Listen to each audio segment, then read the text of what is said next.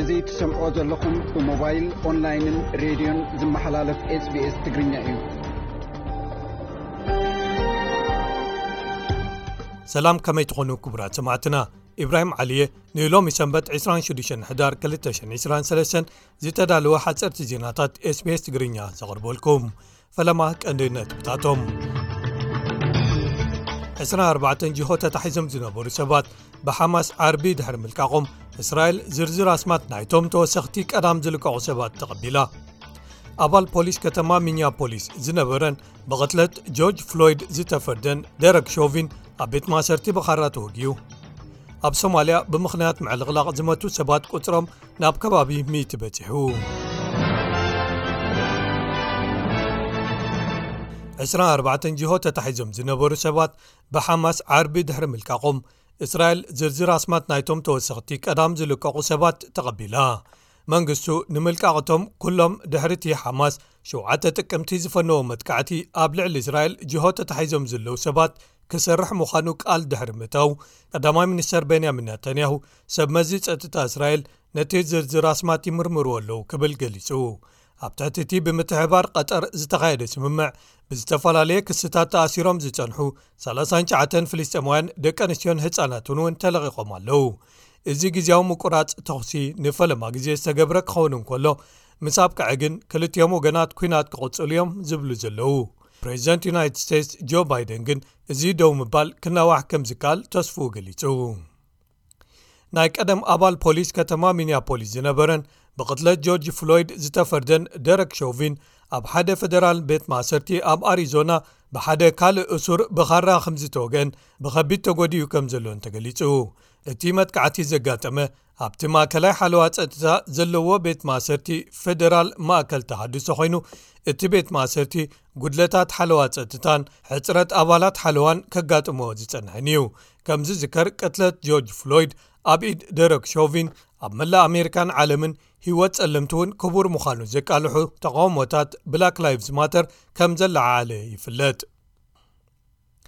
ኣማይት ተምሃሮ ኣብ ግዛት ኒው ሳውት ዌልስ ትምህርቲ ብምብኳር ደገፎም ነቶም ኣብ ቓዛ ዝተቐትሉ ፍልስጥማውያን ንምግላጽ ናብ ምምሕዳር ከተማ ሲድኒ ሲድኒ ታውን ሆል ኣቕኒዖም ተምሃሮ ኣብ መላእታ ግዛኣት ነቶም ትምህርቲ ከይከዱ ወይ ክረኽቡ ዘይከኣሉ ህፃናት ቓዛ ንምድጋፍ ሞራላዊ ሓላፍነት ኣለና ኢሎም እዚ ደገፎም ንምግላፅ ዘካየድዎ ምረሻ ኣብ ሰዓታት ትምህርቲ ኣብ ክፍሊ እምበር ኣብ ካልእ ክርከቡ የብሎምን ዝብል መጠንቀቕታ ተዋሂብዎም ዕሽሽ ድሕሪ ምባሎም እዩ ካብ ሰልፊ ግሪንስ ዝኾነት ሰነተር መሀሪም ፋሩቂ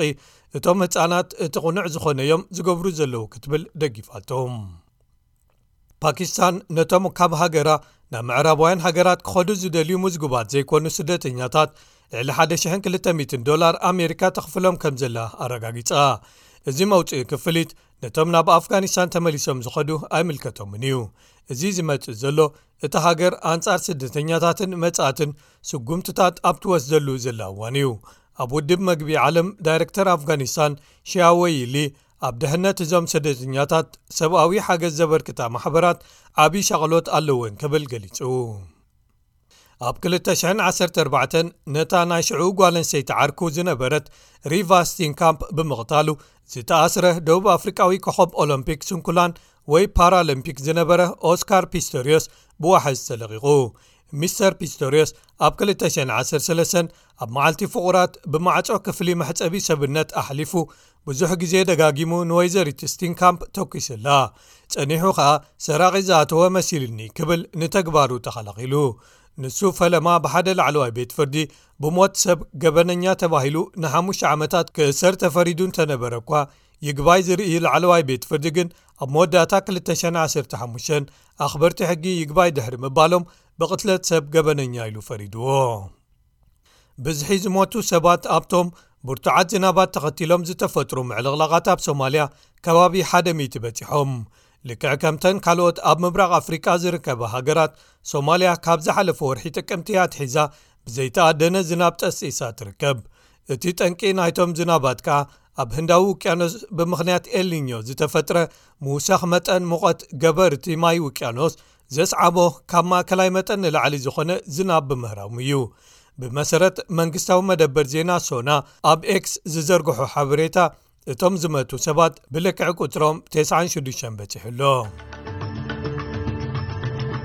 እምበኣር ከ ሰማዕትና ንሎሚ ዝበልናዮም ሓፀርቲ ዜናታት ስፔስ ትግርኛ ቅድሚ ምዝዛምና ኣርእስታቶም ክደግመልኩም